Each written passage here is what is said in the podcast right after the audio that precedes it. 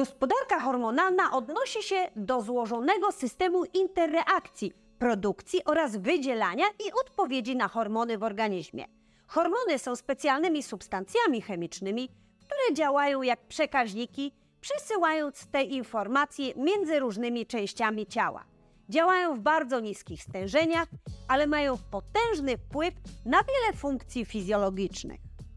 Za regulację apetytu i sytości odpowiadają na przykład grelina, hormon głodu i leptyna, czyli hormon sytości.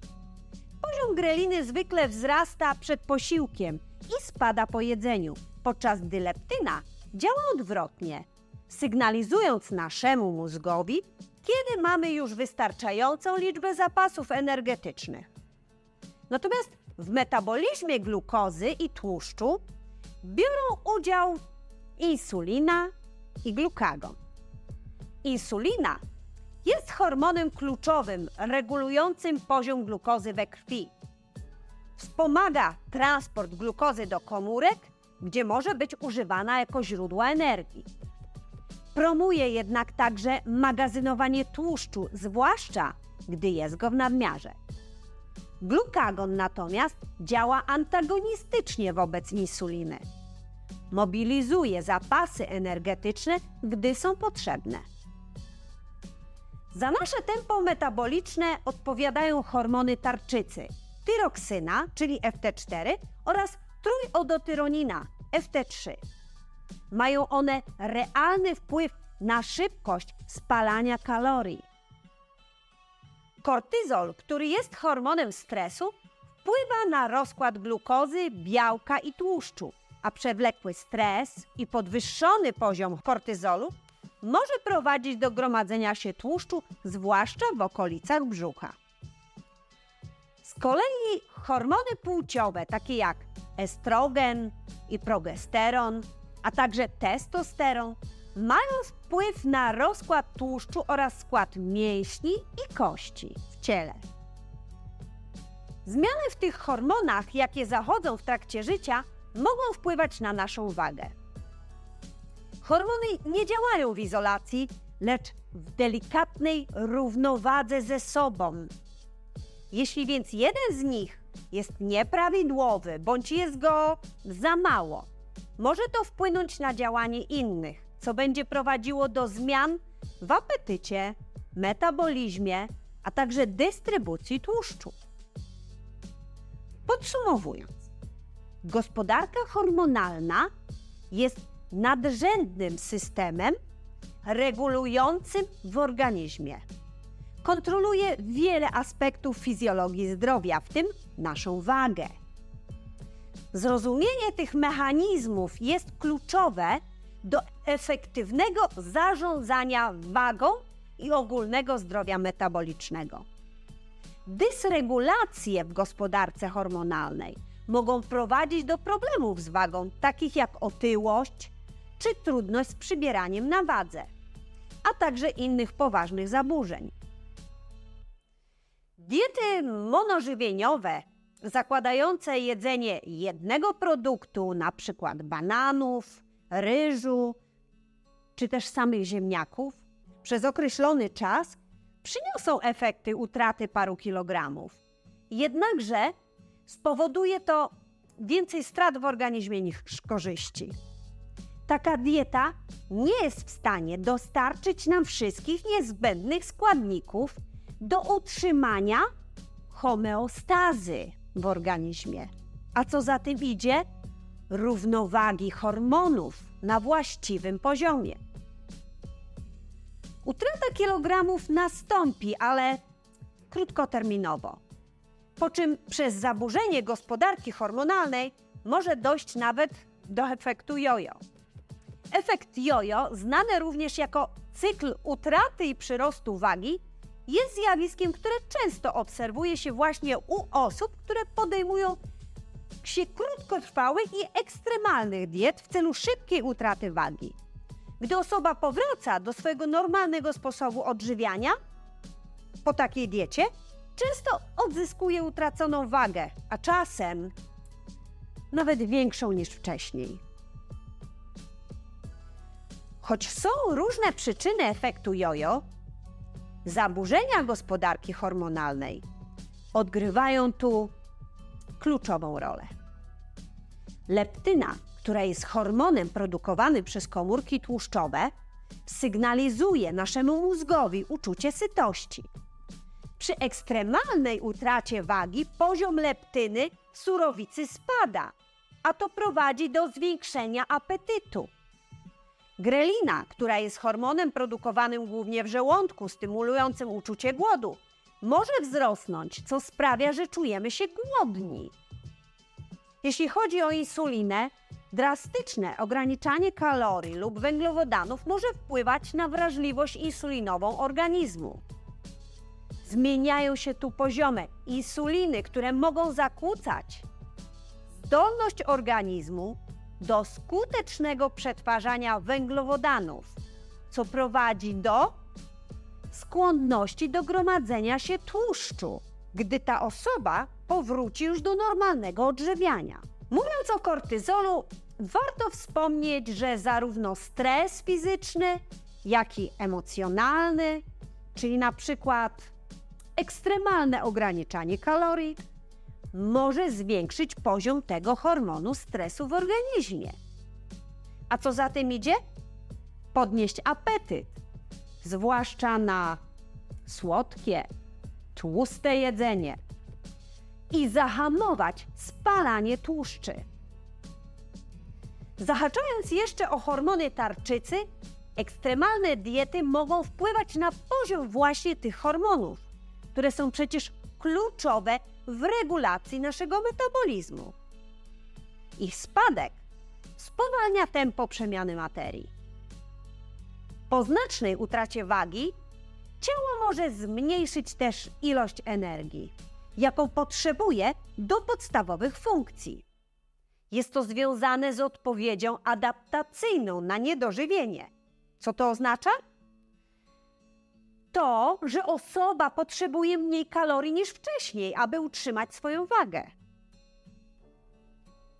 Przyjrzyjmy się teraz dietom stosującym post i przerywane jedzenie, tak zwane intermittent fasting, w skrócie IF. Post i przerywane jedzenie stało się popularne w ostatnich latach jako strategia odchudzania i poprawy zdrowia metabolicznego. Ten sposób odżywiania polega na okresowych przerwach w spożywaniu posiłków, co wpływa na poziomy różnych hormonów w organizmie. Skupmy się tu na trzech kluczowych hormonów, które nas interesują: insulina, grelina, leptyna. Insulina, która jest hormonem wydzielanym przez trzustkę w odpowiedzi na spożywanie pokarmów, zwłaszcza tych bogatych w węglowodany, pomaga komórkom wchłaniać glukozę z krwi. Długi okres postu prowadzi do obniżenia poziomu glukozy, co zmniejsza potrzebę wydzielania insuliny przez trzustkę. W rezultacie osoby stosujące IF często obserwują niższe poziomy insuliny w ciągu dnia. Zmniejsza to ekspozycję na insulinę i może przeciwdziałać insulinooporności, a to jest korzystne dla zdrowia metabolicznego. Grelina, hormon głodu, wydzielana głównie przez żołądek, stymuluje uczucie głodu, które wzrasta przed posiłkiem. Stosowanie przerywanego jedzenia przypuszczalnie powinno powodować gwałtowny wzrost greliny i prowadzić do zwiększonego uczucia głodu.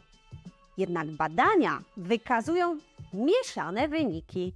W niektórych przypadkach obserwuje się adaptację organizmu, w wyniku której poziom greliny stabilizuje się lub nawet spada po pewnym czasie stosowania IF. Leptyna, produkowana przez komórki tłuszczowe, sygnalizuje mózgowi, że mamy już wystarczająco dużo zapasów i prowadzi do uczucia sytości. W tym przypadku post bądź stosowanie jedzenia przerywanego może prowadzić do obniżenia jej poziomu. Jednakże, gdy stosowanie postu prowadzi do znaczącej utraty wagi, poziom leptyny może spaść bardziej, co paradoksalnie zwiększa uczucie głodu.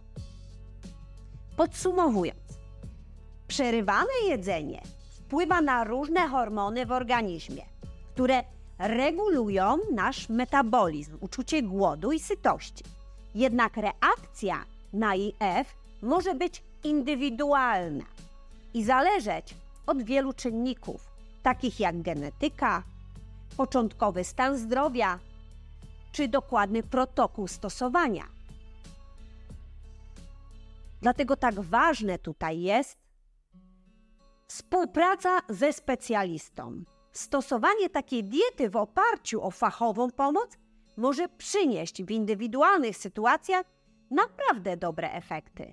Natomiast nieumiejętne wprowadzenie jej u osób z różnorodnymi obciążeniami fizjologicznymi bądź też genetycznymi może przynieść odwrotny skutek. Dieta keto. Dużo się słyszy o cudownych właściwościach tej diety, którą z powodzeniem rekomendują bracia rodzeń. Może mieć wpływ na regulację hormonów takich jak insulina i grelina – które odgrywają istotną rolę w metabolizmie i kontroli apetytu. Charakteryzuje się ona niskim spożyciem węglowodanów, co prowadzi do ograniczenia uwalniania glukozy do krwiobiegu, a to z kolei minimalizuje potrzebę wydzielania insuliny, hormonu odpowiedzialnego za regulację poziomu glukozy we krwi. Ograniczenie spożycia węglowodanów może pomóc zwiększeniu wrażliwości na insulinę, co jest korzystne dla osób z insulinoopornością lub cukrzycą typu drugiego. W rezultacie pomaga w utrzymaniu stabilniejszych poziomów insuliny we krwi, a to przyczynia się do lepszej kontroli glikemii. Dieta keto może wpływać na obniżenie poziomu greliny, Grelina jest hormonem, który stymuluje uczucie głodu. Poziom greliny wzrasta przed posiłkiem, a maleje po spożyciu posiłku. Niektóre badania sugerują, że dieta keto może wpływać na obniżenie poziomu greliny. Ze względu na spożycie większych ilości białka i tłuszczów, uczucie sytości może utrzymywać się przez dłuższy czas co skutkuje mniejszym wydzielaniem greliny i mniejszym odczuwaniem głodu. Warto jednak podkreślić, że reakcje hormonalne na dietę keto różnią się w zależności od osoby i jej indywidualnych cech fizjologicznych. Dodatkowo wpływ diety na insulinę i grelinę może być jednym z wielu czynników, wpływających na sukces tej diety w kontekście utraty wagi i ogólnego zdrowia. Przed rozpoczęciem diety keto warto skonsultować się z lekarzem bądź też specjalistą, dietetykiem, aby dostosować plan żywienia do swoich potrzeb i zminimalizować ryzyko potencjalnych skutków ubocznych. Znam wiele osób z mojego otoczenia, które porywają się na nią samodzielnie – Jedni czują się idealnie, tracą kilogramy, odzyskują energię. Inni popadają w frustrację, notoryczne bóle głowy i różne inne dolegliwości. Dlaczego się tak dzieje? Każdy z nas startuje, że tak powiem, z innego miejsca. Uwarunkowania genetyczne, obciążenia zdrowotne, a także nasz poziom wiedzy co do zasad tej diety bywają naprawdę różne. Często, gdy mówimy o diecie keto, przed oczami widzimy tłuste karczki, golonki czy żeberka, kojarzące nam się z dietą cud. Możesz jeść tłusto, a schudniesz. Brzmią hasła internetowe. Za to już to, że musimy znacząco obniżyć poziom węglowodanów, staramy się puścić mimo uszu.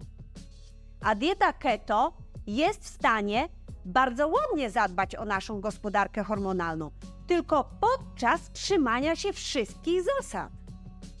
W innym przypadku może przynieść więcej szkody niż pożytku. Brak wiedzy co do dopuszczalnej ilości węglowodanów w diecie prowadzi do nieosiągnięcia stanu ketozy. W takim przypadku spożywane tłuszcze nie są w pełni wykorzystywane jako źródło energii, co może prowadzić do zwiększenia poziomu cholesterolu LDL, złego cholesterolu we krwi. Dieta keto, jak każda inna, wymaga przygotowania. Przed przejściem na dietę należy zbadać stan naszego zdrowia.